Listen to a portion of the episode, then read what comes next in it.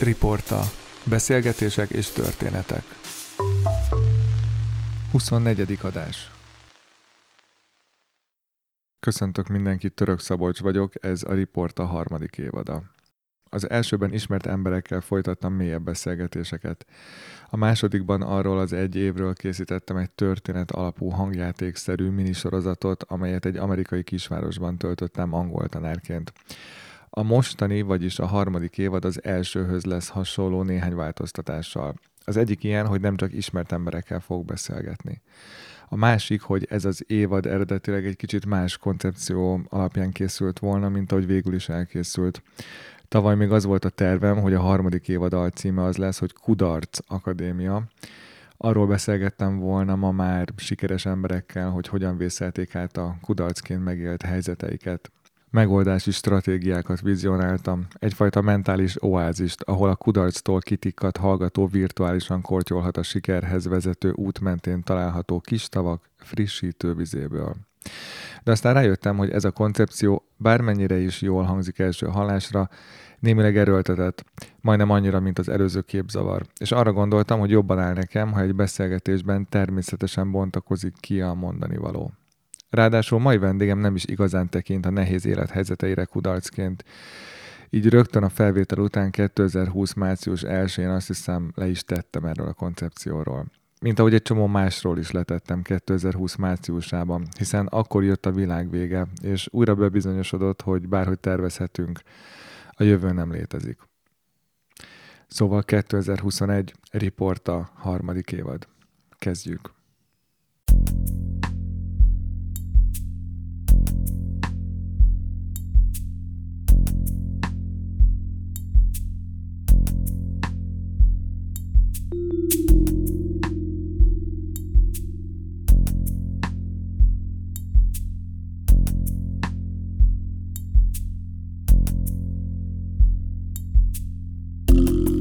Pickó Kati mai vendégem egyszer azt mondta nekem, hogy mennyire nem mond rólunk semmit az, hogy mi a foglalkozásunk, hány évesek vagyunk, vagy hogy hol lakunk. Ez pont úgy hangzik, mintha egy pszichológus vagy pszichiáter mondta volna. Ami nem csoda, mert Kati többek között tényleg pszichiáter. És még egy csomó minden más. Tréner, coach, terapeuta, anya, feleség, barát, barátnő, stb. Persze a címkék nem igazán segítenek valakit megismerni, ezért készítek ilyen beszélgetéseket, hogy valakit ne hashtagek alapján ismerjünk meg, ítéljünk el, vagy magasztaljunk fel. Valamilyen benyomást szerezni valakiről persze némi időbe telik. És szerintem ezt az időt mai vendégem Pickó Kati, pszichiáter, tréner, coach, anya, stb. Maradéktalanul meg is érdemli. A mai beszélgetésben szó lesz kudarcról, szégyenről, tudatos jelenlétről, arról, hogy hogyan befolyásolják gondolataink az érzelmeinket, egy párkapcsolati színházi sóról, Kati családi helyzetének sajátosságairól, a pszichiáterséghez fűződő viszonyáról, arról, hogy mi történik, ha egy matematikus és egy pszichiáter betéved egy szabaduló szobába, és rengeteg másról. És még egy érdekesség. Pár nappal az adás megjelenése előtt 2021. januárjában felhívtam Katit, hogy megkérdezzem, milyen volt meghallgatni a beszélgetésünket majdnem egy év távlatából. Szóval lesz egy kis extra beszélgetés az adás végén. Szóval 10 percenként elalszik egy fény, Igen. e- egy lámpa, és akkor hát egy óra múlva a sötét lesz itt. Mhm. Annyi idő van kiszabadulásra. És ö, egy, mű, együtt működve lehet kiszabadulni. Egy alaksorban, pontosabban egy Lego pincében vagyunk. Körülöttünk láncok, rácsok és szürke falak. Nem kifejezetten szokványos hely egy bensőséges beszélgetéshez. Mai vendégem Pickó Kati azonban látszólag teljesen jól érzi itt magát. Ez valahol érthető, ő tervezte ezt a szabaduló szobát, amely egy párkapcsolati játék fontos helyszíne. A pároknak feladatokat megoldva kell kijutniuk innen, és az, ahogyan ezt megoldják, sokat taníthat nekik egymásról és magukról is. Nem akarod így csinálni az interjút? kérdezi Kati. Én a láncokra és a betonfalakra nézek, miközben felidézem az egy emelettel feljebb lévő kényelmes kanapét, ahol még ablak is van a szoba falán, és nehéz szívvel, de végül utóbbit választom. A beszélgetést egy körmössel kezdjük. Pontosabban annak felidézésével. Ez az élmény volt ugyanis az első, ami Katinak eszébe jutott, amikor a kudarc szót kimondtam. Miközben megyünk fel a rendelőbe, Kati arról beszél, hogy annak idején próbálták bal kezesről jobb kezesre átnevelni, ezért a helyesírása és a külalakja se volt túl jó. Úgyhogy ennek felidézésével folytatjuk a beszélgetést most már a fenti, kicsit kényelmesebb részen ha ez 20 évvel később történik, akkor ilyen figyelemzavart simán diagnosztizáltak volna nálam, meg ilyen diszlexiát, meg mindenféle diszeket. De te nemrég ezt diagnosztizáltad saját magadnál, nem? Már hát az a, a diagnosztizálás az, az túlzás, de mondjuk, és nem is én diagnosztizáltam, hanem a nagylányom, aki azt mondta, hogy olvassam el Máté Gábornak a Szétszórt elmék című könyvét, mert mama, ez rólad szól és elolvastam, és valóban rólam szól, tehát minden mondata szinte, amit egyébként ő maga is 50 éves kora után diagnosztizált saját magán, úgyhogy valóban igen. Máté Gábor egy kanadai pszichiáter, azt mondta, Egy Vancouverben ugye? élő pszichiáter, mm. igen. Mindenkinek tudom ajánlani a, a könyveit, a megközelítését, a, a szemléletmódját.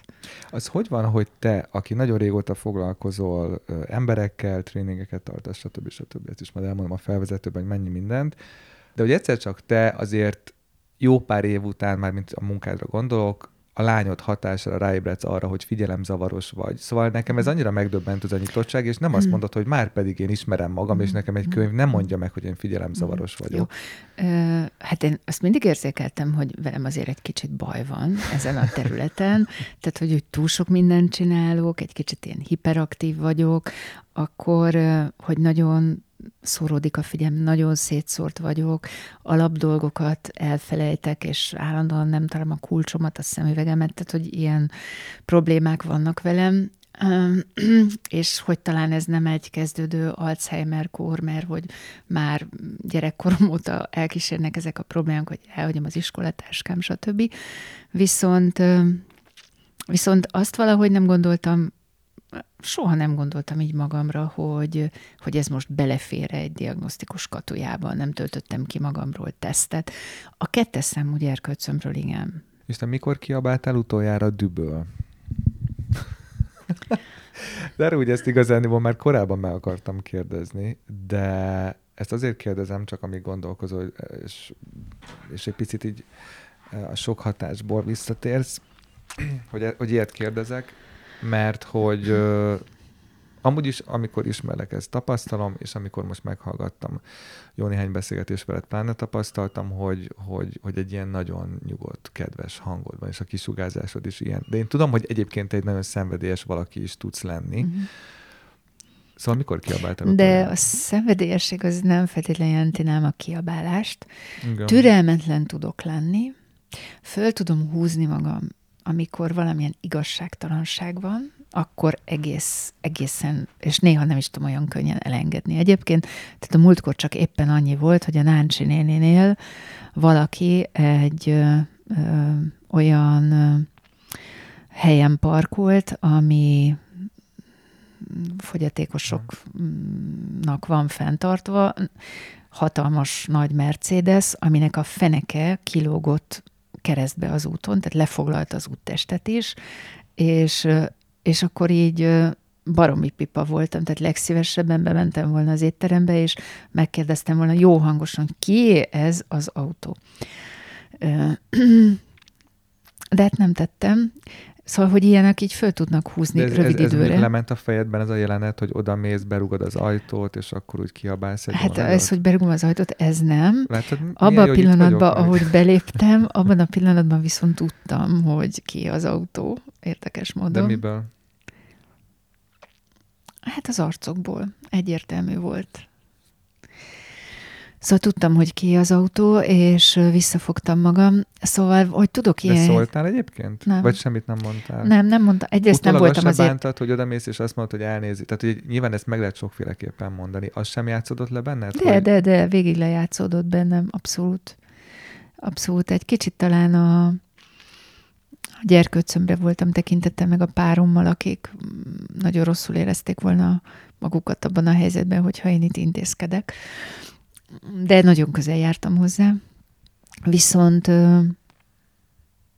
viszont, hogy ilyen igazán tehát, hogy ez az igazságtalanság érzetnél tudok dühös lenni, de egyébként azt gondolom, hogy nekem alapvetően a düh kifejezésével azért nagyon sokáig problémám volt. Tehát, hogy úgy... Mármint, hogy nem tudtad, hogy hogy fejezd ki, vagy hogy e... pont az volt a baj, hogy állandóan kifejezted? Nem, inkább nem fejeztem ki, de ebben, ebben több dolog is benne volt, hogy azt hiszem, hogy egy darabig le is volt folytva nálam, tehát valahogy a dű meg az agresszió egy kicsit összemosódott, most már nem. Ez nagyon érdekes, hogy a legkisebb gyerkőcömtől folyamatosan tanulok. Tehát például azt látom, hogy ő tud úgy dühös lenni, hogy semmi agresszió nincs benne. Tehát az agresszió másra irányul, az én fejemben, a dű, az pedig azt mondom, hogy elég, de nem lépek be a másik határaiba. Mm. Szóval ö, valahogy ez le volt folytva, aztán mert hogy ilyen rossznak ítéltem meg, de, de nem csak ezzel volt problémám, azzal lehet, hogy még egy kicsit most is van problémám, hogy soha nem csak a másik viselkedését látom, hanem látom a gyökereit, hogy mondjuk, hogyha nem úgy viselkedik, ami számomra elfogadható, hogy az miből fakadhat, és abban a pillanatban elmúlik a dühöm. Nem tudok De rá hát haragudni. ez nem egy rossz dolog, nem? Megérted a másikat. Hát Vagy megértem néha jó a másikat. Haragudni? De ez azért kiszolgáltatottá teszi az embert helyzetekben. Túl megértő, vagy? Igen, igen. Tehát így bejebb jönnek azért, akkor így nem érzékelik a határokat, úgyhogy, úgyhogy néha ezt ebből a fajta elfogadásból mm, a kettő együtt jó. Elfogadó vagyok, de azért tudom azt mondani, hogy állj, stop, elég ne De tovább. ezt most már te ezt meg tudod tenni, nem?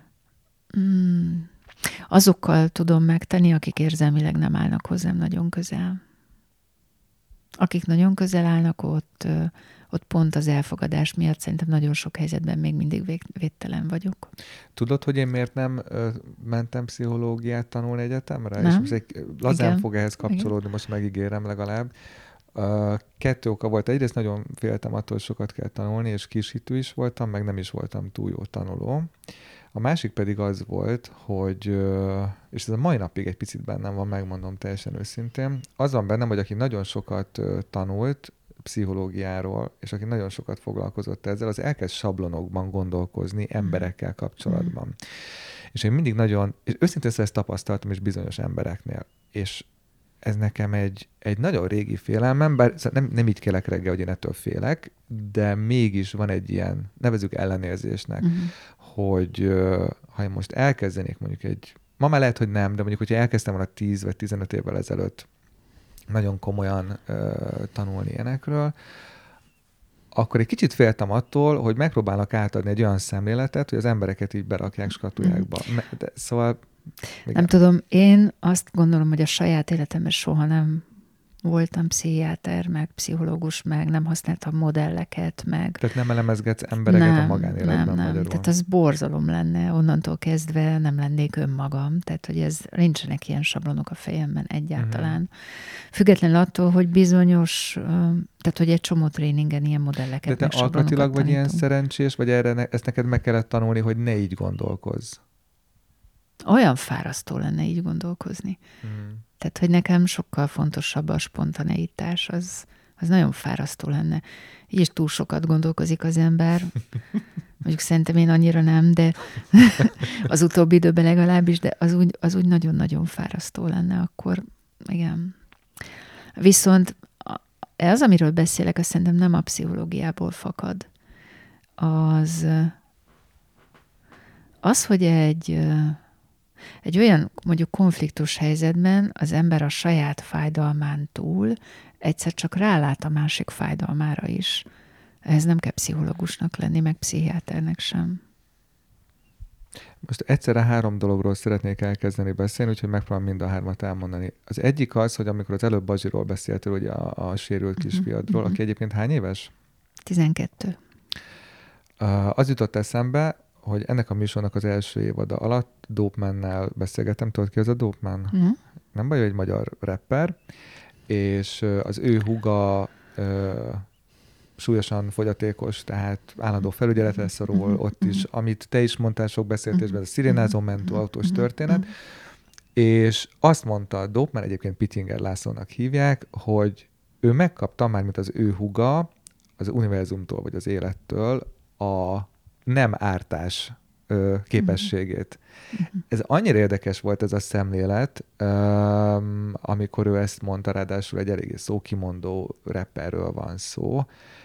Így még én a súlyosan sérült emberekre nem uh-huh. gondoltam, uh-huh. de rájöttem, hogy igaza van. Uh-huh és amikor az előbb arról beszéltél, hogy ő valahogy nem tud úgy dühös lenni, vagy uh-huh. valahogy azt szűrtem le, hogy nem tud úgy dühös, dühös lenni. tud lenni. Vagy, bocsánat, nem tud, igen, csak azt akartam, csak hogy nem tud úgy agresszió. dühös lenni, hogy mondjuk mások ellen, igen. vagy hogy nem egy ilyen másra irányuló uh-huh. dolog. Annyira nem jók a szavak, mert Bekorlátoznak? A Bazsára például az, hogy sérült, annyira nem tudom azt mondani, hogy sérült. Annyira más világ, más univerzum. Tehát hmm. egyszerűen más univerzum, minden máshogy működik rajta, de ha belenézek a szemébe, akkor hát mindent látok, de se fogyatékosságot, se sérültséget nem. Van erre jó szó? Hogy mit látok a szemében? Ö, nem, hanem hogy hogy ö, nevezzük mondjuk az ő állapotát, vagy... Uh-huh. vagy... Ami tetszik nekem, bár más szülők találták ki, sorsfordító gyerekek, kacifántos gyerekek,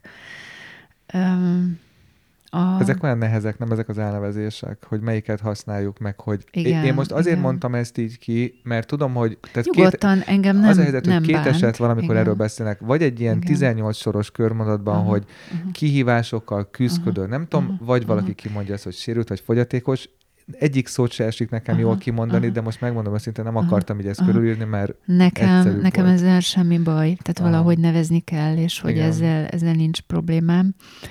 A, a, a, szóval, hogy valami tényleg ilyen nagyon-nagyon átfordult vele kapcsolatban bennem. Tehát ezért mondtam a, azt, hogy nincs kudarc. Tehát nekem az, hogy annó balkezes voltam és körmöst kaptam, ez biztos, hogy hihetetlen belső erőt adott.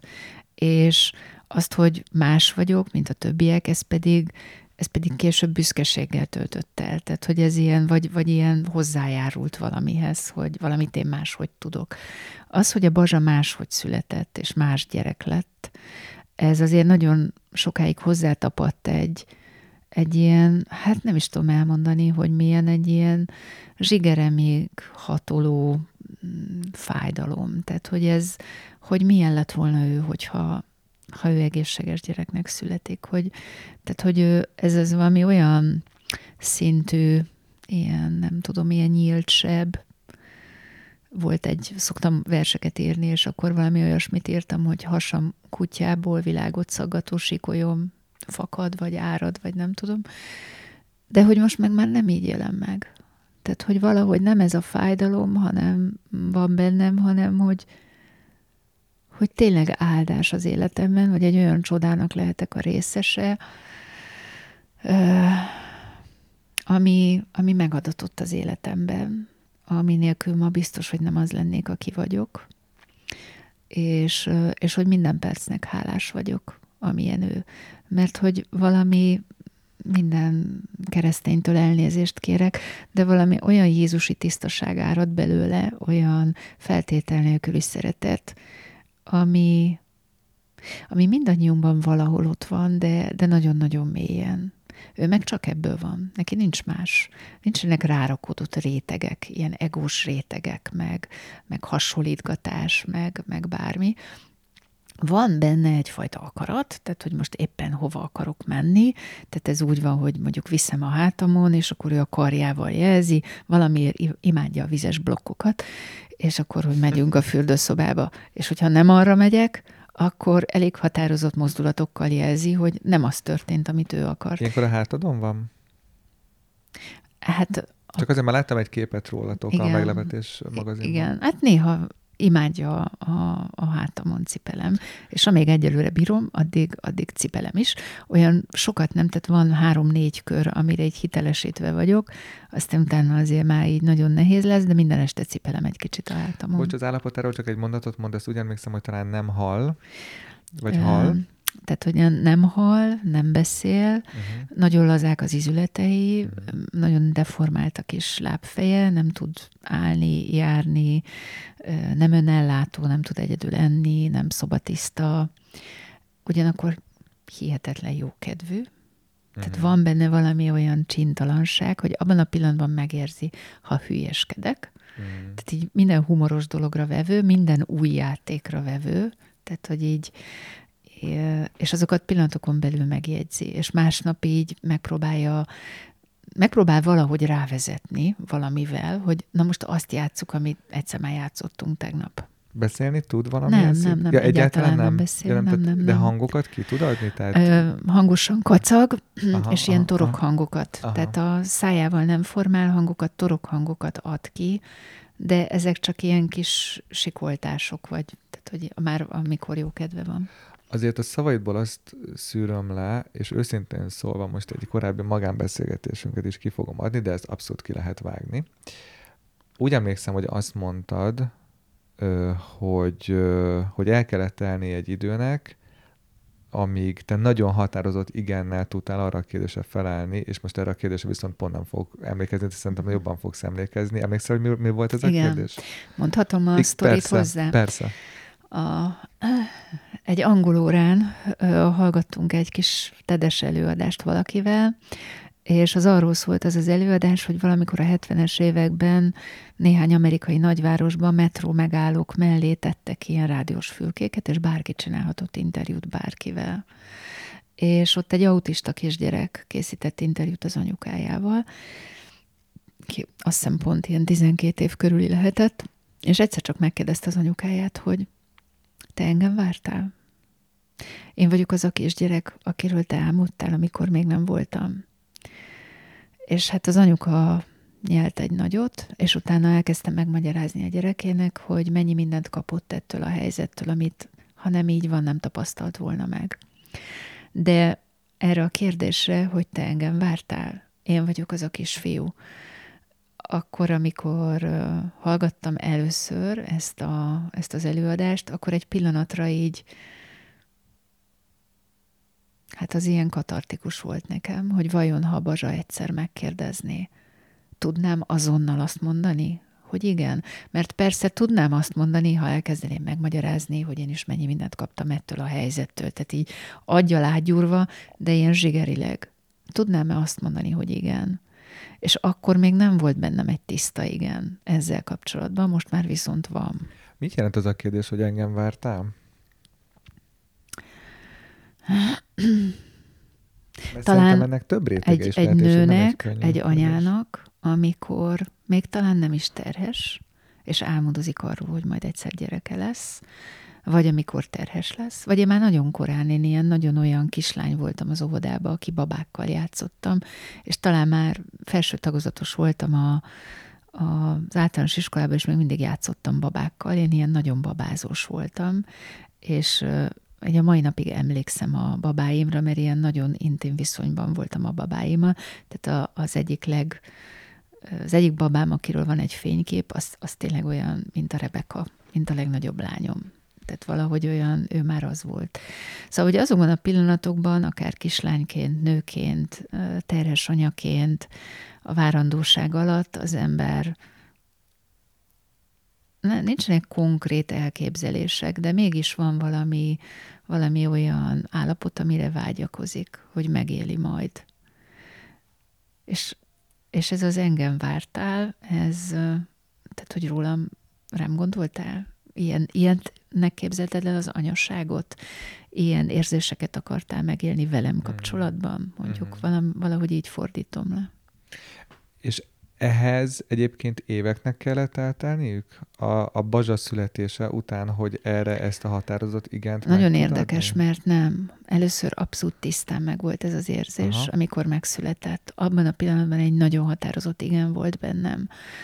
Nem tudtam még, hogy mennyi mindennel fogunk szembenézni. Tehát akkor csak azt láttam, hogy van ott egy olyan kis lény, aki nem teljesen ez most nagyon durván fog hangozni, de akkor úgy éreztem, hogy szinte nem teljesen embernek született, hanem A egy ilyen kis szól, azt madárka. hiszem, hogy igen, igen, először azt hiszem, hogy a születésével kapcsolatban mondtad, hogy ványat kismadár, és Igen. utána pedig talán földön kívüliként Hát ilyen kis ufó, apostrofáltad. igen, igen, igen, aki, aki ilyen tök más.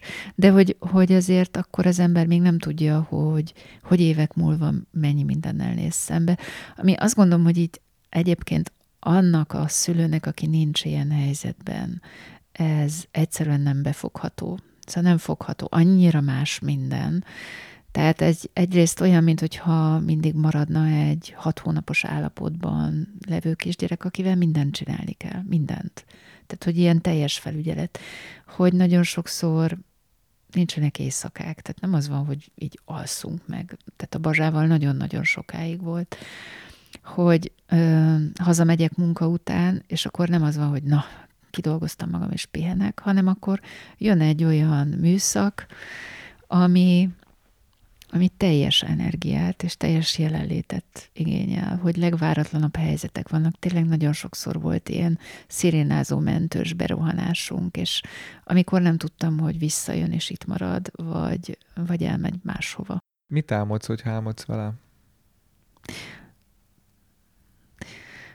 Hát a, a visszatérő álmom, hogy megszólal. Mm. Tehát, hogy ez valószínűleg azért egy nagyon erős vágyként bennem van, hogy, hogy ő valahogy beszél. Tehát, hogy egyszer csak megszólal a hangján. Ez miért fontos? Tudom, hogy nagyon profán ez a kérdés, de mégis kíváncsi vagyok a te. Nem tudom, hogy fontos-e. Mm. Én már elengedtem valahol azt, hogy, tehát, hogy úgy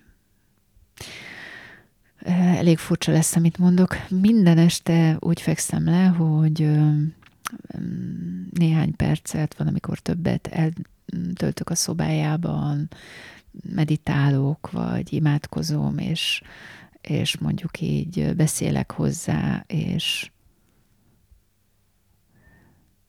mm, ha igaz az, hogy az alvásnál mondjuk nem akarok ilyenbe belemenni. Teljesen rád test, meg ilyenek, most nem Nyugodtan. akarok ilyesmi. Igen? De, hát semmi megkötés. Engem érdekel, Jó. aztán mások Tehát, hogy majd elmondják. Nagyon sok olyan megfigyelés van, hogy akár kómás állapotban, akár, akár alvásnál is emberek visszajönnek, és mondjuk hipnózisban emlékeznek rá, hogy mi történt. Uh-huh.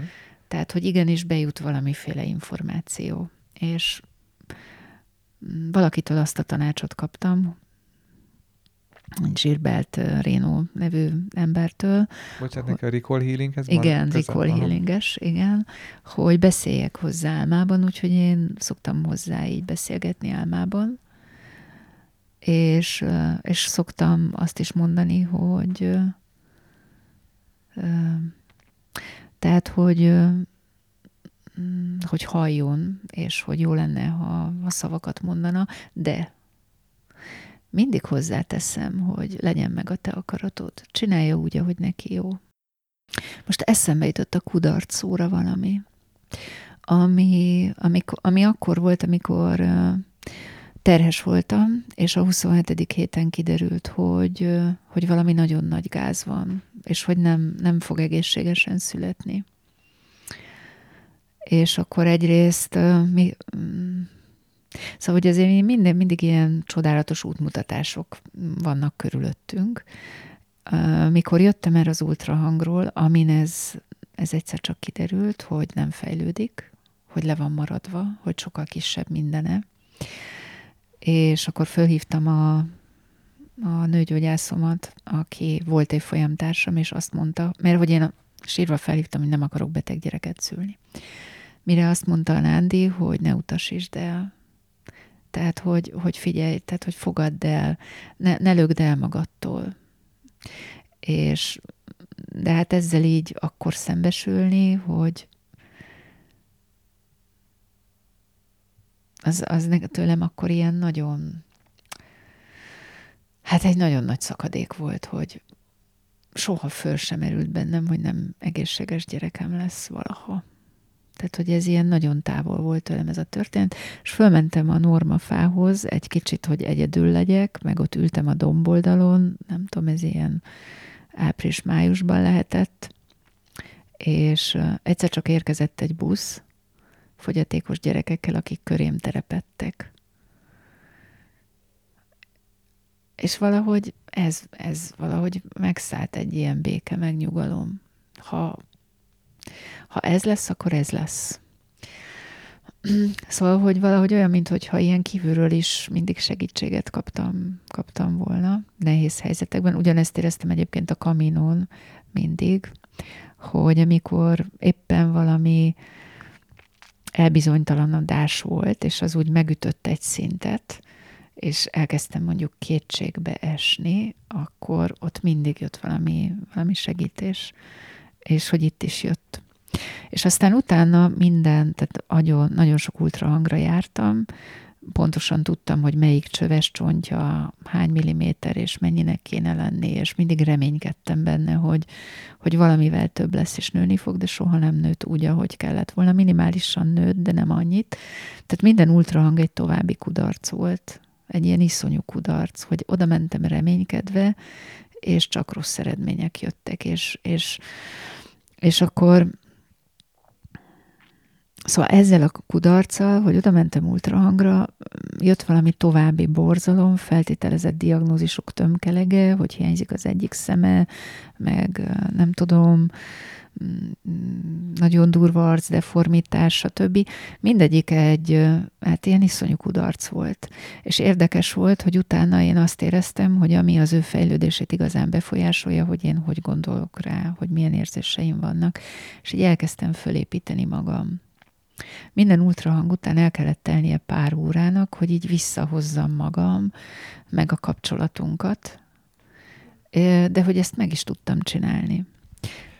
Az, hogy ő élve született, az is önmagában egy csoda egyébként, Igen. mert ha jól emlékszem, Igen. mintha lett volna olyan diagnózis, hogy lehet, hogy halva születik. Igen, meg, meg hogy meg fog szakadni ez a terhesség. Tehát, hogy mindenki azt várta, hogy, hogy, hogy ő tehát, hogy nem lesz, vagy ha meg is születik, nem lesz, nem lesz életképes. De volt olyan pillanat, amikor azt szeretted volna, hogy meg is szakadjon ez a terhesség? Nem, ilyenre nem emlékszem.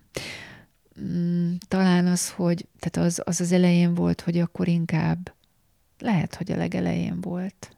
Ezzel kapcsolatban is egy picit tovább is menve, meg maradva is ennél a témánál, a, amit az előbb kérdeztem, hogy a kudarchoz való hozzáállásod hogy változott, ez neke, ennek mi, mi volt az evolúciója számodra? Mert ezek szerint ez, ez sok, vagy nagyban hozzájárult ahhoz, hogy, hogy te átformáld a kudarcot, mint élményt, vagy nem is tudom, hogy milyen szó. De ez használ. nagyon jó, ez szerintem nagyon jó. Tehát minden kudarc egyrészt egy pillanatnyi állapot. Tehát olyan, mintha kiragadnánk egy pillanatot az, a, az univerzumból, meg a végtelenségből, a kudarc az csak egy pillanat, egy pillanatnyi megélés, és, és abban a, tehát hogyha már kudarcnak nevezünk valamit, az bennünk történik, a fejünkben, az elménkben történik, és az is benne van a kudarc perspektívájában, hogy valamit nagyon szűk szemszögből látok csak. Nem látok rá a nagy egészre nem biztos, hogy az a szelet, amit én kudarcnak élek meg, az a szűk szelet, amiből rálátok valamire. Ha én azt hátrébb tudnék lépni, és egy sokkal nagyobb perspektívából látnám, akkor nem biztos, hogy abban is kudarc lenne. Ugyanez vonatkozik a halálra is. Tehát, hogy nálunk az egyik legnagyobb kudarc, tehát mi a halált, azt kudarcnak tekintjük. Miért? Mert hogy ebben a földi koncepcióban gondolkozunk, hogy ha valaki meghal, akkor, akkor azt sajnáljuk, szegény, nem tudom, és eltávozott, és, és nincs itt velünk, mert hogy csak ezt a földi világot látjuk. De hát miért gondoljuk, hogy csak ez a földi világ van? Tehát, hogy csak azt, a szemünk csak egy bizonyos tartományban lát, a fülünk csak egy bizonyos tartományban hal, és akkor azon kívül nincsen semmi kiskoromban, tehát mondjuk ilyen oviskoromban nagyon sokan laktunk egy másfél szobás kis padlás lakásban. Tehát tényleg nagyon sokan, ilyen 10-11-en. És uh, én ott tök boldog voltam. De úgy voltam boldog, hogy mivel padlás lakás, ezért ilyen a falak, azok ilyen sréjen mentek, és például a szekrény és a fal között ott volt ilyen zúg, ahova gyerekként én befértem, és nekem ott ilyen nagyon jó kis buvóhelyen volt, és a legjobb pillanatokat ott éltem meg, mert ott álmodoztam, meg amikor lefeküdtünk, és lekapcsolták a villanyt, és magamra maradhattam az álomvilágomban, meg amikor fölébredtem, és még nem kellett fölkelni. Tehát, hogy ilyen hihetetlen dús álomvilágom volt, ilyen nagyon-nagyon gazdag, hogy itt tudom én, volt egy falvédő, még az asztal, volt egy ilyen kis asztalka is mögötte egy falvédő, amin ilyen goblányszerű falvédő volt egy erdőről. És hogy gyerekkoromban én tökre bele tudtam menni a falvédőbe, abba az erdőbe. És valószínűleg ez is egy ilyen túlélési dolog, tehát lehetne ezt úgy is megélni, hogy, hogy ilyen nagyon szegények voltunk, meg, meg, meg sokan voltunk, meg, meg nem tudom, de hogy, hogy én ott tök jól voltam ezekkel. De azon gondolkoztam, hogy most megkérdezem tőled azt, hogy amikor van egy olyan helyzet, amit elsőre negatívnak élünk meg, és megpróbáljuk átkeretezni, mm-hmm. átszínezni, mm-hmm. stb. Mm-hmm az nem egy, egy, hogy mondjam, hazugsága, vagy nem a fantáziánkban menekülünk, vagy stb. És erre a fejemben te azt mondtad, hogy ha negatív dolgokat mondunk arra a szituációra, az is tulajdonképpen egy hazugság, vagy az is egy, egy torzítás esetleg a valós helyzetnek. Mit szólsz ez a beszélgetés részlethez, amit itt magamon folytattam veled? Tehát, hogy bármilyen ítélet, akár pozitív, akár negatív, az valójában az elménkben keletkező gondolat. Igen, erre gondoltam. Igen. Ezt, ezt fél Szabolcs az a helyzet, hogy ezt Shakespeare is mondta, nincs a világon jó se rossz, a gondolat teszi azzá. Ő ugyan így látta a dolgokat, és én is így gondolom, ezt gondolom hmm. róla. De azért nagyon nem mindegy, hogy milyen gondolatokkal illetjük ezt, mert hogy a gondolatainkhoz aztán tapadnak az érzések, az érzések meg igenis nagyon hatnak a testünkre, és eleve ugye a pozitív gondolkodás egyik technikája ez a reframing átkeretezés, amit mondtál, ami tök jó, és ez sok szempontból valahogy azért így elsajátítható, hogy ne csak a félig üres, hanem a félig teli poharat is nézd. Ugyanakkor azért az, hogy történik egy külső esemény, és hogy én mit társítok hozzá, abban azért valóban van egy, egy tanulási folyamat, ami nagyon kora gyerekkorhoz is mm. tapad, és azokat a mintákat le lehet vetni, de tökre nem könnyű levetni. Tehát, hogy nem könnyű így abból, abból átjönni. Most egy picit talán így a tranzakcióanalízis is ide hozható, meg uh-huh. a mhm. szerepek, uh-huh. amit egyébként... Meg az... a kognitív pszichológia, igen, igen, igen. És ezt most csak azért említem meg, mert, mert szerettem volna egy picit beszélni az Igen a Nemek Közt nevezetű programodról, uh-huh. mert ezt a szót láttam. Próbálok mindig pontosan fogalmazni, aztán te majd úgyis kijavítasz, ha nem jól mondom. De van ez a program, amihez ugye társul egy csomó tréning, illetve sok ilyen, nem is tudom, ez nem biztos, hogy mindig csak tréningnek lehet nevezni ezeket a kis uh-huh. élményeket, amiket itt uh-huh. át lehet élni. Nem tudom, van neked erre egy szavad? Amikor mondjuk eljön egy pár, és akkor társas játékot játszik, majd erről is beszélhetünk, vagy érinthetjük. Ezek nem tudom, programok, vagy tréningek, képzés, önfejlesztés? Hát többféle láb Nem biztos, van. hogy kell ennek Többféle egy... láb Aha. van, és nem pont ugyanaz mindegyik. De ha, ha egy-két szóval kéne, akkor tényleg ez az igen. Igen a nemek közt, ami ugye egyrészt a két nem között, vagy a nemek, a nem, a perlekedés, a negatív hozzáállás, a negatív gondolkodás, a negatív gondolataink között.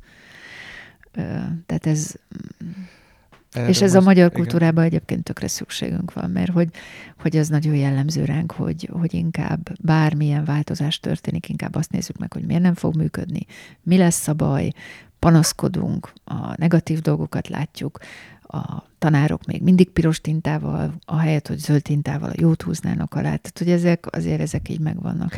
Ez És nekem ez az igen, igen, ez tök fontos.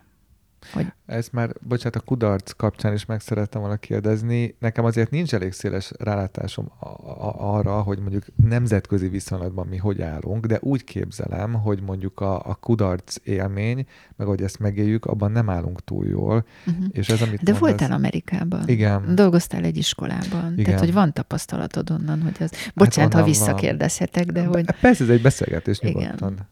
Azt, azt tanultam, hogy az interjú az két egyenrangú fél beszélgetése. Okay. Na, hát akkor milyen tapasztalatokat szereztél?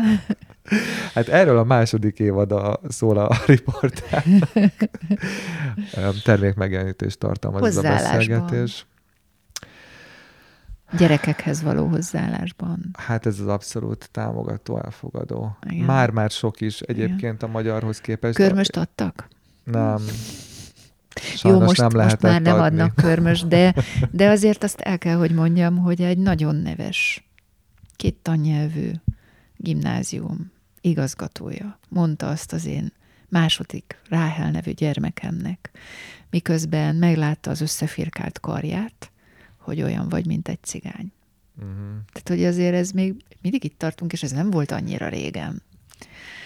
Igen, van honnan felülni. Szóval én azt gondolom, hogy alapvetően valószínűleg az arany, arany középút lenne jó ebben az esetben is, tehát a magyar és az amerikai modell között valahol.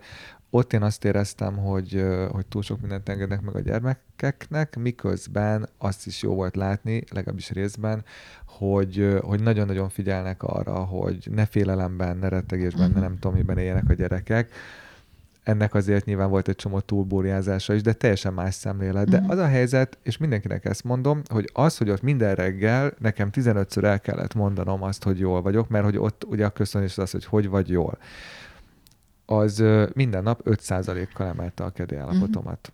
Mm. Uh, és, és ha tetszik, ha nem, kedvesek az eladók, és stb. stb. Mm. És tehát ilyen szempontból teljesen mm. más világ. Nyilván erről nagyon sokat lehetne beszélni, de de meg ott van egy ilyen híres mondás is, hogy, hogy néha nyersz, néha tanulsz. Tehát, hogy sosincs mhm. olyan, hogy veszítesz. Vagy Igen, ezt mi is szoktuk mondani. Ha ez a nap nem a barátod, akkor a tanárod. Mm. Igen. Valamit akartam még mondani, viszont nagyon így a kudarcokról, tehát, hogy így, igen, ez nem baj, hogy még így De visszakanyarodok. Mert lehet. hogy azt akartam kifejteni, hogy amikor egy ilyen ultrahangos dolognak ott vége volt, akkor mi volt az a folyamat, amin végigmentem, hogy, hogy fölépítsem magunkat. És az egyik dolog az az volt, hogy megpróbáltam csak a, a bazsára fókuszálni, csak a kapcsolatunkra fókuszálni, jelen lenni. Az volt, elhangzott, igen, de most itt vagyunk, és csak egymásra figyelünk. Tehát, hogy ez a fókuszált figyelem, akkor akármi is lesz, az valahol, ez a legyen meg a te akaratod. Talán ez, hogy, hogy elfogadom azt, ami, aminek jönnie kell. Tehát, hogy ez, ez volt még egy szál, és aztán még egy dolog volt, ami, ami még ott félbe maradt nálam, az pedig az, hogy van néhány olyan dolog, ami, amiről nem szoktunk beszélni, és mégis ott van körülöttünk. Tehát itt van ebben a térben körülöttem a betegekkel, vagy a kócsügyfelekkel való, vagy beszélgetésben, vagy a, egy tréningen, és a résztvevők között is ott van, meg most is itt van köztünk a térben, anélkül, hogy ezt itt sokszor kimondanánk, vagy hogy konkrétan erre gondolnánk. Mindig ott van az a térben, hogy mit gondolsz a saját és a világ viszonyáról, tehát hogy vagy te a világban, mit gondolsz erről, milyen világban vagyunk.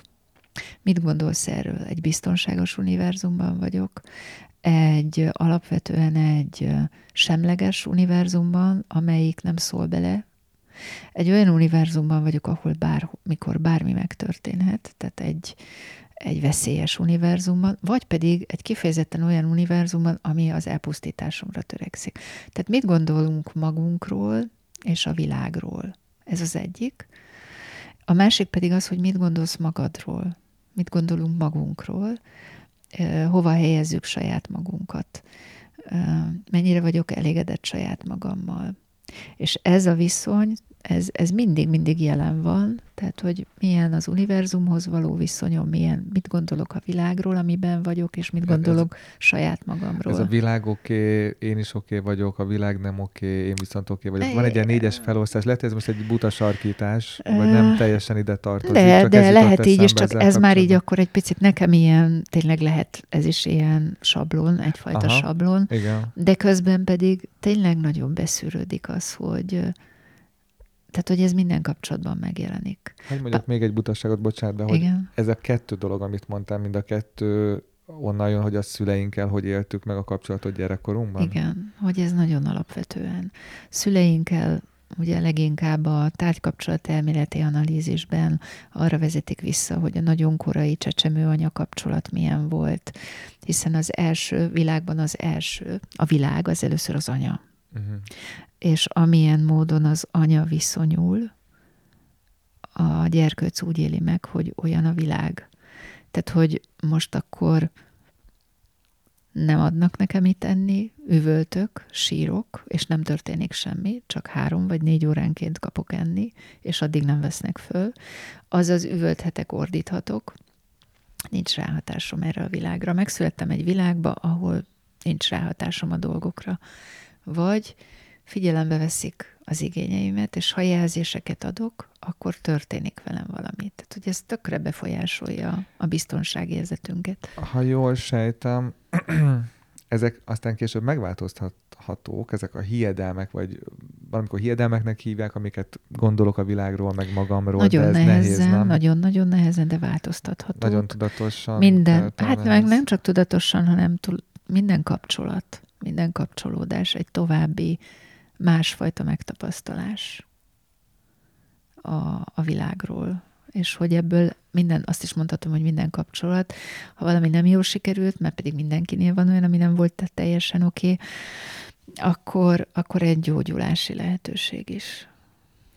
Rá szerettem volna valamire kérdezni, ami egyáltalán nem tartozik ide. Nem baj, majd összevágod úgy, hogy jó legyen. Vagy csak így hagyom, és látják, hogy mennyire nem tudok összekötő szövegeket megfogalmazni. Hmm felírtam azt a kifejezést veled kapcsolatban, hogy falakat bontani. Azt hiszem, hogy egészen 2003-ig megyünk vissza. Megint egy magánbeszélgetést fogok kiadni, és ezt megint ki lehet vágni, hogyha szeretnéd.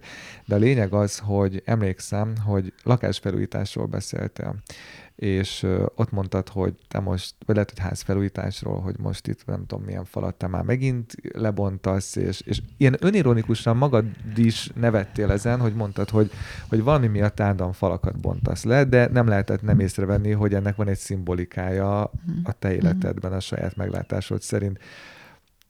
Egyrészt nem tudom, hogy erre emlékszel-e, másrészt, hogy az így megmaradt-e, mm. illetve, hogy harmadrészt bármi, ami eszedbe jut ezzel kapcsolatban. Hát egy falbontásra emlékszem, mert az egy nagyon nevezetes az évet nem tudom, de augusztus 20-ai felbontás volt, mikor fölébredtem reggel, és valahogy nem volt jó kedvem.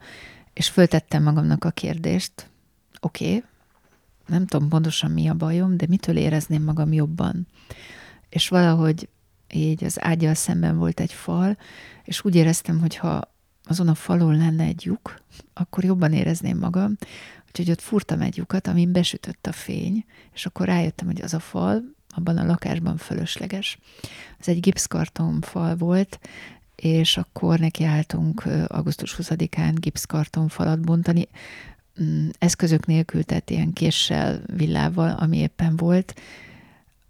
Nem gondoltam volna, hogy egy gipszkarton falba ennyi minden van beépítve, ennyi cucc, hogy iszonyú mennyiségű sittet termeltünk, de a és fal lebomlott. magad?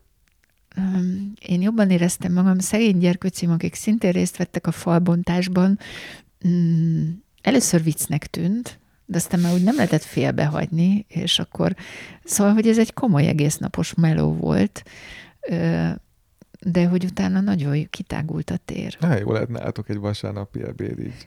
Nem elég sós a leves. Mitől érezném jól magam? Valhoz vágom ezt a porcelán edényt. Viszont eszembe jutott más mm. típusú falbontás is, hogy valamiért nem nagyon tudok ilyen hierarchikus mm, rendszerekben működni. Na ezt is olvastam, és erre is rá akartam kérdezni, és nagyon jó, hogy megemlítetted. És az egyik ilyen falbontásom az az volt, amikor uh, úgy maradhattunk ott a pszichiátria klinikán, Szegeden az egyetemen, hogy egy fél évet el kellett tölteni Nagyfán, ami akkor egy ilyen félig börtön jellegű kényszerelvonó intézmény ez volt. Ez a férfi zárt osztály? Vagy ez Nem, egy másik az más, az egy pszichiátriai zárt aha. osztály, ez egy fél éves, ez tényleg félig börtön, tehát börtönőrök onnan nem mehetnek ki, elítéltek, tehát olyan alkoholisták voltak ott, akik valamilyen bűncselekményt is elkövettek, aha. így, uh-huh. akár alkohol hatása alatt, és két év kényszer elvonó kúrára ítélték őket. Hogyha valaki nagyon jól viselkedett, akkor lehet, hogy hamarabb elmehetett, meg ha nagyon jól viselkedett, akkor kaphattak ilyen szabadságot vagy kimenőt. Bocs, ilyenek vannak még amúgy? Vagy már ilyen intézmények, amiket most mondasz? Szerintem ilyen nincs, már van. nincsen, Aha. mert ez az egész megdőlt, tehát ilyen nincs, hogy kényszer elvonás. Igen, ez tehát, hogyha valaki nem akarja, akkor nem fog leszokni az alkoholról, úgyhogy ez nincs, tehát ez, ez megdőlt, ez a nagyfai rendszer. De hogy akkor ez úgy volt, hogy Szegedről jártunk ki busszal Nagyfára, és a, tehát ott meg volt a a hierarchia, meg volt a kaszt, hogy mondjuk először ment a menedzsment, tehát a nagyfai menedzsment, aztán voltak az orvosok, aztán jöttek a börtönőrök, és hát hogyha voltak szabadságról visszatérő rabok, akkor azok meg hátul ültek a buszban. És hogy én kapásból bementem hátra a, a rabok közé, amire be is hivatott azonnal az intézmény vezetője. Azt hiszem, hogy teljesen félreértette. Tehát, hogy ő tényleg ilyen nagyon mm, megkeseredett emberek voltak, akik, akik tényleg ilyen nagyon elitták mm, az életüket, a gondolkodásukat, stb. És behivatott az intézmény vezetője, és mondta, hogy szeretné most az elején tisztázni, hogy nem lehet szexuális kapcsolatot létesíteni a rabokkal. Pedig én csak az én részemről csak egy lázadás volt egy fal ellen. Annyira érdekes ez a szó, hogy mondod, hogy lázadás, mert felírtam magamnak, és biztos voltam benne, hogy ezt a szót nem fogom veled kapcsolatban használni, mert, mert valamiatt azt gondoltam, hogy te egy másik szót fogsz használni, de mindegy, most már megpróbálom valahogy ezt a kérdést feltenni. Szóval ahogy végignéztem az életeden, már mint amit, amit erről megtaláltam az interneten, meg a korábbi beszélgetéseinkből, ez valahogy mindig előjön. Hozzáteszem, próbáltam egy pozitívabb szót találni rá, Mit gondolva a te személyiségedre, újítás. Aha, innováció. Innováció. Igen. De ez, ez, ez szinte mindig előjön, uh-huh. majdnem minden, uh-huh. minden tevékenységeddel uh-huh. kapcsolatban. Igen, hát most ez az igen a nemek közt is egy újítás, akkor mondjuk, és egyfajta lázadás.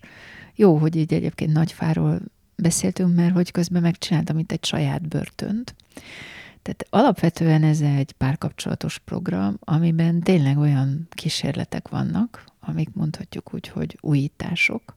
Talán nem annyira lázadások, de azért mégiscsak újítások. Az egyik ez a párkapcsolati szabadulószoba, ami nagyon sokszor a férfiak, és azért mondom, mert inkább a férfiak, bár van olyan, ahol a nők nem jönnek el terápiára. Viszont... Mármint, bocs, amikor meg volt beszélve, és aztán mégsem jönnek, vagy hogy egyáltalán Egyáltalán nem, nem akarnak Aha. eljönni. Viszont játszani jobban eljönnek. És akkor ez az egyik, ami, ami miatt gondoltam, hogy valami játékon keresztül sokkal jobban becserkészhetők párok. A másik pedig az, hogy elmentünk egy szabaduló szobába a családdal, és ott a párom, aki matematikus, megállt egy fal előtt, és onnan nem mozdult. Szerintem nagyon hosszú ideig. Én pedig össze-vissza mentem, mint egy kis szurikáta, és fölcsíptem ezt és azt, és öt percenként, vagy percenként mentem oda, hogy nézd, ezt találtam, ezt szerinted micsoda? És ő csak állt, és nézte. És aztán így rádöbbentem, mit tudom én, egy negyed óra múlva, hogy úristen, mennyire úgy működünk itt, mint otthon. Tehát, hogy pontosan ez van. Modellezzük azt, ami otthon történik, és ezután jött az az ötlet, hogy hát csináljunk egy olyan játékot, amiben ezt megfigyeljük, és adunk róla visszajelzést, ami részben egy fontos edukáció, csak nem, nem csak terápiát lehet csinálni, hanem edukálni is lehet a kommunikációt például. Még akkor is, hogyha a kommunikáció az csak egy szint, és alatta vannak mélyebb rétegek, de már ha azon történik valami, és tudunk beszélni a mélyebb ellapangó problémákról, mert az nagyon jó lehet. Egyébként, amikor ugye van Marshall Rosenberg, mondhatjuk azt, hogy az erőszakmentes kommunikációnak igen. a kitalálója, atya. atya. Igen. Ezt a szót akartam használni, csak vagy annyira igen. furcsának tudom, akartam. És tudom, hogy ezt az eszközt is nagyon szeretett használni, sőt a Patália Táliában című előadás sorozatban Sokszor sok, megjelenik. Sok, mindig egyébként? Nem, nem, nem mindig, mindig. Nem, tehát ott különböző modellekkel játszunk. Sokszor megjelenik a megoldások között. Aha. vagy megjelenik valamelyik eleme a megoldások között. Itt most bocsánat, csak annyit mondjunk el, mert nem biztos, hogy mindenki ö, tudja ezeket. Tehát a, majd mindjárt visszatérhetünk az erőszakmentes kommunikációra, de a Patália Tália az egy ilyen társas Párkapcsolati játék, társas játék. Igen. Szintén uh-huh. mondjuk úgy, hogy egy nem létező műfaj, tehát egy kísérlet, uh-huh ami egy teljes, totális improvizáció. Valamilyen pszichológiai modellt bemutatunk a nézőknek, és utána annak a modellnek a segítségével ránézünk egy párkapcsolati problémára. A problémát nagyon sokszor a nézők közül hozza valaki, vagy esetleg a színészek közül, és utána eljátszunk vele, megnézzük a zsákutcákat. Fontos, hogy abszolút szórakozás, élmény, nevetés, ugyanakkor mégiscsak egy tükröt tart. Tehát mégis az emberek többsége, nagyon sokan mondták már, hogy magukra ismertek, szünetbe kimennek, és erről beszélgetnek, és aztán utána mindig megpróbálunk azért eljutni, kétszer 50 perc az nem túl sok, de megpróbálunk eljutni odáig, hogy azért akkor nézzük meg, hogy és hogy lehetne máshogy csinálni. És ebben, hogy hogy lehetne máshogy csinálni, a zsiráfnyelv, az erőszakmentes kommunikáció nyelve az nagyon sokszor megjelenik. Pillanat, csak írok valamit, addig még mondj egy mondatot. Jó, légy. és a, tehát ugye van a szabaduló szoba, van a patália a táliában, és ezen kívül van még egy olyan online kurzusunk, amiről nagyon-nagyon sok pozitív visszajelzés. Tehát akik megnézték, azok áradoznak róla. Ez egy 8-10 hetes kurzus, a három célcsoport van, a szinglik, akik egyedül vannak. Ott ugye először saját magammal kell jó kapcsolatba kerülni, hogy lehetek saját magamnak boldog, hűséges társa, tehát egy önismeret, de ad a megismerkedéshez is, mire érdemes figyelni mondjuk egy randin, Bocs, párkereső szolgáltatások Az nincs, nincsen, nincs, ugye? nincs, nincs, nincs. Ez, csak, ez csak egy 8 hetes kurzus azzal kapcsolatban, hogy hogyan tudsz magaddal jobb viszonyt kialakítani, hogyan tudsz nem görcsösen párkapcsolatot akarni, mert a görcsös akarás az, az nem tesz jót semminek. Hogyan tudsz kiegyensúlyozott lenni egyedül?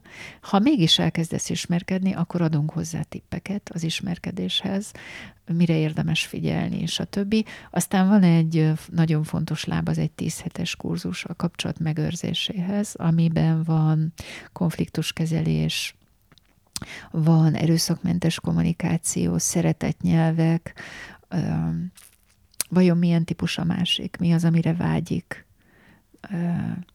Van kapcsolatban előforduló nehézségek, leggyakoribb problémák, szerepelosztás, megcsalás, tehát, hogy ilyen ezek a témák. Azt, azt bocs, rosszul érzem, hogy a párkapcsolat a, a munkádban kiemelt szerepet játszik? Mert ezt tudom, és egyrészt ismerlek, mármint, hogy erről az oldalról úgy érzem, hogy ismerlek, másrészt olvastam is, hogy az emberi kapcsolatok nagyon fontosak a számodra, és, és tulajdonképpen már gyerekkorodban is figyelted a, a többi ö, gyermeket, magadat is. És akkor ugye csoda, hogy a Bazsa nem hajlandó tárgyakkal játszani, csak emberekkel. E, egyébként ezt akartam mondani, hogy eléggé rádütött, tehát én nem csodálkoztam, amikor ezt mondtad vele kapcsolatban ezek után, de hogy a, a, az, hogy a párkapcsolatokkal tudom, hogy nem csak azzal foglalkozol, de azért nagyon nagy szelette a munkádnak. Az, az egy tudatos döntés volt, vagy Hát mert hogy régóta látom. foglalkozom Igen. vele. Tehát tulajdonképpen Igen. ez volt az egyik pszichoterápiás vonulat, amit tanultam. Uh-huh. Székely Ilonától, aki egy Amerikában élő párkapcsolati pár terápiával, család, pár és családterápiával foglalkozó ö, hölgy Pécsen intézményt is neveztek erről, a Megújulás Családterápiás Intézmény, és hát nekem az Ilona nagyon nagy élmény volt, ugyanis ő eredetileg egy apáca, és akkor én ott ebbe bele, bele szerettem. Aztán... Mármint mibe? A családdal, a párral, mint rendszerrel való foglalkozásba, hogy két ember kapcsolata az önmagában olyan, mint egy kis élőlény. És és hogy ebben is lehet egyrészt nagyon sok mindent tanítani, én most főleg az edukációs részét csinálom, uh-huh. másrészt ö, ö, terápiával segíteni is. Mondtad, hogy ö, miért pont ilyen pár meg, meg család, főleg párkapcsolat. Igazából hozzáteszem, hogy emberi kapcsolat. Tehát, hogy ez, mert hogy cégeknél ugyanígy meg hogy rengeteg párhuzam van abban, hogy hogy működik egy családi rendszer, meg hogy működik egy üzleti szervezet. Tehát, hogy az is egy rendszer. De azért mindezeken túl, hogy én egyszer elváltam, és hogy így viszonylag fiatalon, legalábbis én akkor nagyon gyereknek éreztem még magam, született mondjuk a Rebeka, és egy hatalmas nagy szerelemből jutottam el odáig, hogy hogy én akartam elmenni a kapcsolatból, és én akartam elválni. Hét év múlva. Ez, Ez szimbolikus szám? Hát, Csak megálltál egy pillanatra. Igen. De hogy ha, ha már kudarcokról beszélünk, akkor, akkor akár ez is lehetne kudarc, bár ezt sem kudarcnak élem meg. És de... akkor sem élted meg kudarcnak? Annó? Mm, nem.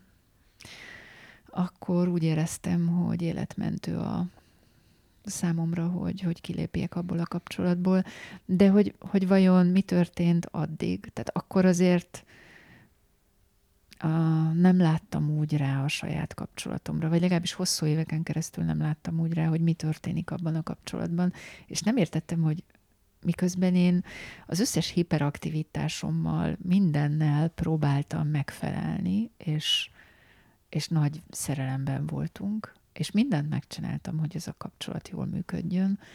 Időről időre miért van az, hogy mégis ilyen iszonyú indulatokat gerjesztek a másik emberben, hogy, hogy nem tudom kezelni ezeket a helyzeteket. Aztán persze most már tudom, hogy nem én gerjesztettem azokat az indulatokat, csak hogy én azt a saját kudarcomnak éltem meg, hogy, hogy a szeretetemmel nem tudom úgy meggyógyítani. Olyan, mintha egy másik ember cselekedeteivel kapcsolatban felelősséget vállaltál igen, volna, pontosan. miközben igen, neki kellett volna. Igen, igen, igen, igen. Szóval, hogy, de maga az, hogy ezt én mondjuk se pszichiáterként nem ismertem fel sokáig, hogy mi történik a kapcsolatunkban. Milyen, milyen pszichiáterként? Hát, hogy pszichiáterként sem ismertem ja, sem. fel Bocsán, sokáig, mm. hogy mi történik mm-hmm. a mhm. kapcsolatunkban. Te jártál akár pszichológusnál, akár pszichiáternél a nehezebb időszakaidban? Akár vállás, akár bazsi, bármelyik? Hát nagyon rövid idő ideig elmentem egy analitikusan orientált terapeutához, így a, a, azért az elválás az egy krízises időszak volt, mert hogy nagyon nem akarta elfogadni azt, hogy én el akarok jönni, és mindenféle eszközzel megpróbált mondjuk így nem elengedni, fogva tartani, vagy ellehetetleníteni. Aztán miután néhány alkalommal azt láttam, hogy a sztár terapeuta ott éppen elbóbiskol az én krízisem során, mm, többet nem mentem hozzá, és nem is kértem segítséget. Eleve érdekes, hogy te analitikusan gondolkozó szakemberhez mentél, nem? Én Vagy analitikusan iskolába, analitikusan orientált tudom, iskolába azt, jártam. Azt tudom, mert olvastam, csak valahogy rólad nem az a képem, hogy, hogy, hogy azt nem? Vagy most hülyeséget mondtam ezzel, hogy te nem úgy állsz az emberekhez, mint mondjuk az analitikus, ahogy én az analitikus pszichológusokat képzelem, de lehet, hogy tök rossz Igen, ez az irány, a, csak valahogy Mondjuk úgy, hogy a klasszikus rólad. pszichoanalízis, hogy dívány, és én nem mondok semmit magamról, és, és hallgatom Nekem az asszociációkat. Igen, az idegen. álmokat, ez, ez távolabb áll tőlem, mert hogy én itt sokkal aktívabb Aha. vagyok. Mm, eklektikusan dolgozom, tehát, hogy néha a monodráma elemektől kezdve NLP, meg, meg néha azért álmokkal is foglalkozom, vagy, vagy azokkal is ö, dolgozom. Bár hozzáteszem, hogy nagyon sok esetben most az utóbbi időben sokkal inkább edukáció, amit csinálok, mint, mint terápia. Szerinted oda el kell jutni? Ez azért is kérdezem, Hova? mert a, viszonylag kevés konkrét elemet tartalmazott a kérdésem. Um, több helyen is olvastam megint csak veled kapcsolatban, hogy volt egy pont a karrieredben, amikor elkezdtél az edukáció, oktatás felé fordulni. A kérdésem arra vonatkozik, hogy, hogy, hogy neked el kellett jutni egy olyan pontra, amikor azt mondtad, lehet, hogy nem így történt, most csak egy felvázolok egy ilyen hipotézist, hogy nekem már mondjuk elég tapasztalatom van ahhoz, hogy én kvázi oktassak. Ez most persze egy leegyszerűsítés, de ezt értettem az alatt főleg, amikor azt kezdtem, hogy el kellett jutni oda, hogy továbbadsz valamit, Aha. vagy nem tudom, hogy ez így volt-e? Egyáltalán nem volt ilyen tudatosság a uh-huh. döntésemben. A mai napig azt élem meg, hogy nagyon sokszor valami olyasmit tanítok, amit én is akarok tanulni továbbra is, meg mélyebben is, és hogy ez engem visz előre. Tehát, hogy a tanítás által is tanulok. Volt egy olyan szituáció, amikor jöttem ide, már nem tudom, vagy angolórára, vagy valamire, és mert hogy van egy olyan kudarc is az életemben, ami az angol tanulás, mert hogy még mindig nem beszélek úgy, ahogy folyékonyan és uh, hibákkal, már hogy nem beszélek folyékonyan, viszont hibákkal teli beszélek.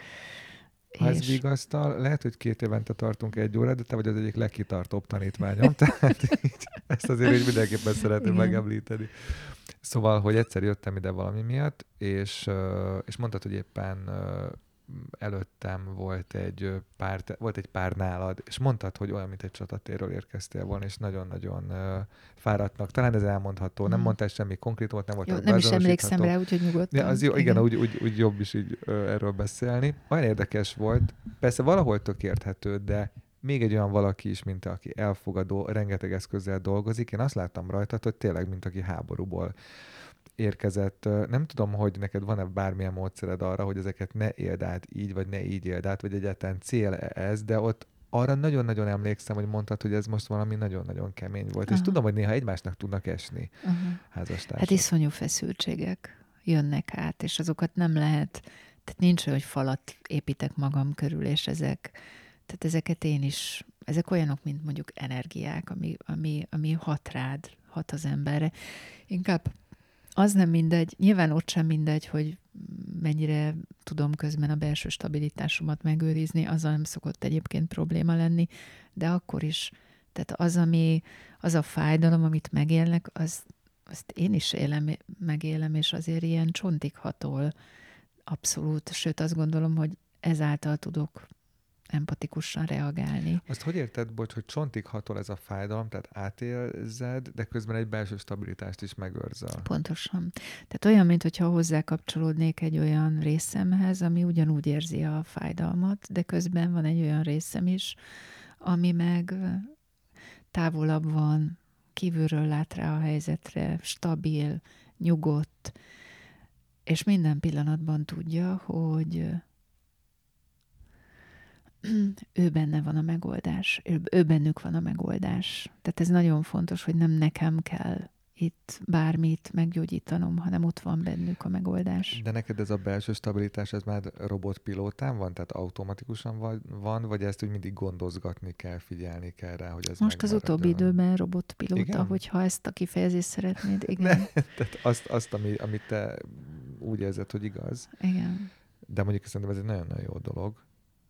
Utolsó kérdés, nem szabad ilyet mondani interjúban, utolsó kérdés, de utolsó kérdésnek szánt kérdés. Ö, a, ez már akkor megfogalmazódott bennem, amikor még a beszélgetésen lent voltunk a börtönödben, vagy a szabaduló szobádban, bocsánat. Ö, és most megint el- eszem... Nem szeretjük szabaduló szobának nevezni, mert Nem? abból nagyon sok van. Igen. Ez egy párkapcsolati szabaduló játék. Hmm. Börtön. De amilyen mosolyal mondtad ezt a szót. Szóval már akkor is megfogalmazódott bennem, meg most is, amikor az előbb beszéltél azokról a helyzetekről, amikor mondjuk férfiak is eljönnek, mert játszani szívesebben játszanak, akár egy Mhm, színdarabot mhm. szívesebben néznek meg, vagy itt Mhm, nálad mhm. szívesebben játszanak. Szóval, hogy azon gondolkoztam, hogy hol van a határ ilyenkor a terápia és a játék között, mert valószínűleg ez egy picit egybe csúszik, és, és tök jó, hogy el tudnak vinni magukkal Mhm. valamit, de abban is biztos vagyok, hogy valakiből ez akár nagyon rövid idő alatt olyan mély dolgokat hoz elő, hogy azzal valamit vagy Mhm. neked, vagy neki, vagy valakinek Aha, kezdeni kell. Aha. Szóval a határ az egyik, az egyik szobában van, a másik a másik szobában. Tehát, hogy így mondjuk térbelileg is el van különítve, a játék az maga a, a börtön. A mozi pedig egy olyan, a mozi szobának a tere, az pedig egy ilyen mondjuk úgy, hogy átmeneti tér. Csak mert, hogy van egy ilyen kifejezés Winnicott-tól, hogy, hogy átmeneti tér. És Ez úgy hangzik, mint a purgatórium. Vagy a nem tudom melyik, az a Ránézünk arra, igen, tehát egy olyan térben ránézünk ö, valamire, hogy mi történik ott. Mondjuk úgy, hogy egy önreflektív részünkhöz kapcsolódunk hozzá abban a térben, nyilván ezt nem így szoktam mondani, de hogy ö, egy, mondjuk, hogy egy biztonságos helyzetben, egy biztonságos közegben tudunk beszélgetni arról, hogy hogyan is működünk mi. De ami nagyon fontos, hogy ez a biztonságos tér, ebben nincs ítélkezés. Tehát semmit nem ítélettel, moralitással, egyszerűen megnézzük azt, ami mindannyiunkban benne van. Fontos, hogy én is el szoktam mondani. Főleg akkor, ha érzem valakin az elbizonytalanodást, hogy mindannyian reagálunk így. Ez nem arról szól, hogy bárki rossz vagy jó, hanem, min, hanem kommunikációs mintázatokról szól. Ez valami annyira nehéz lehet ez az ítélkezés elleni harc, vagy nem biztos, hogy ez a jó szó, de annyira mélyen bennünk van, akár jó, akár rossz, mhm. rárakni egy címkét, rárakni uh-huh. egy bármit, ide lehetne citálni meg ez a ne ítélj, ne ítéltes Igen. dolgot is. De Nekem ez, ez, ez, ez nem nehéz. Hát ezt nagyon jól tudom, hogy neked nem, de... Nem. És hát ha valaki, akkor tényleg az én kisfiam Bazsa az, akitől a legtöbbet tanultam ebben, mert hogy az, hogy a, azokat a címkéket, amiket rá lehetne tenni, akár a társadalom által, a szokások által az ő létére, hogy ezek milyen mértékben ö, kihullottak belőlem, szétmálottak. Hála Istennek. Nem mérgezem magam velük. És hogy ilyen mindenféle címkék nélkül, hogy ezért is nehéz szavakat találni rá, tudok a vele való kapcsolatban létezni, ez azt hiszem, hogy ez, ez átsugárzik bármelyik más kapcsolatomra is. Eddig tartott tehát ez a beszélgetés, amit 2020. március 1-én rögzítettem Pickó Katival. Most pedig egyfajta extraként jöjjön egy kis telefonos mini interjú arról, hogy Kati hogy látta a majdnem egy évvel ezelőtt felvett beszélgetést. Mielőtt meghallgatnánk azt, hogy Kati hogyan reagált erre a beszélgetésre, egy rövid hirdetés erejéig szeretnék beszélni az adás mai támogatójáról. A Dover nyelviskola vezetője Dohár Péter úgy gondolta, hogy jó ötlet támogatni a riportát. Ebből született meg a mai adás. És úgy gondolta, hogy jó ötlet velem iratni egy történet alapú online angol nyelvkönyvet is. Címe Joyland, műfaja krimi, elsősorban újrakezdő és középhaladó tanulóknak készült. Itt egy rövid részlet belőle. They start to run. The snake starts to shoot at them. But Tony finds a way out. They are free.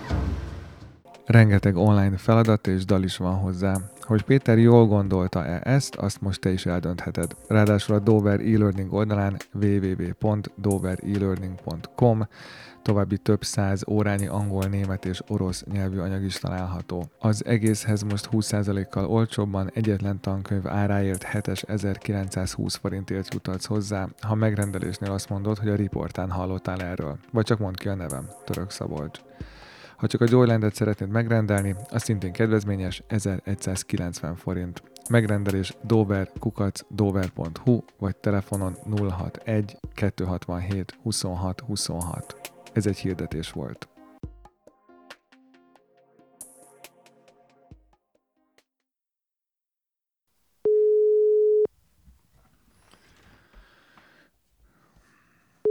Van egy olyan rész, ahogy amikor a kisfiamról beszélek, mm. a Bazsáról, akkor akkor ott jó érzésem van ezzel kapcsolatban. Szeretem, ahogy beszélek róla, ugyanezt érzem most is, hmm. vagy, vagy inkább még, még jobban el vagyok ebben mélyülve, mert azért ez egy több mint egy éve hmm. volt. Ugyanakkor vannak olyan részek, amikor nagyon idegesítő vagyok saját magamnak, Mm. Tehát így azt érzem, főleg olyankor, amikor azt élem meg, hogy olyan túl komolyan veszem saját magamat, és nagyon komolyan beszélek valamiről, mm, miközben valahogy egy ilyen külső perspektívából, mm, nem is tudom, egy kicsit így a, a bolond szemszögéből, annak a játékosságával tudok így az egész életünkre, mindenségre rátekinteni, és akkor ez ilyen, ez most tényleg ennyire? Itt van ez a nő, és ilyen úgy beszél róla a halál komolyan, mint hogyha ez ilyen nagyon fontos dolog lenne. Mármint micsoda?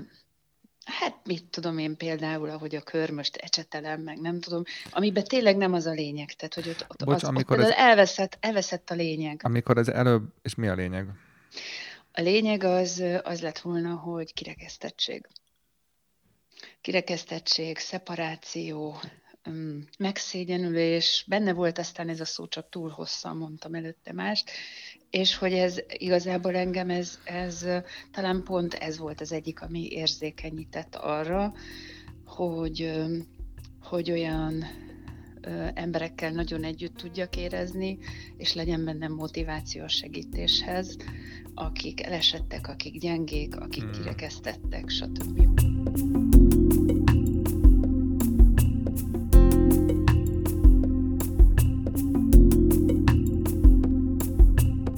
Ez volt a Riporta 24. adása. Ha tetszett, akkor ajánlom Patreon oldalamat, ahol a Riporta extra tartalmaihoz férhetsz hozzá minimális összegért. Ezzel is támogatva a műsort, Cserébe premier előtti meghallgatást, csak itt felelhető képeket, információkat, illetve kimaradt beszélgetés részleteket is találsz.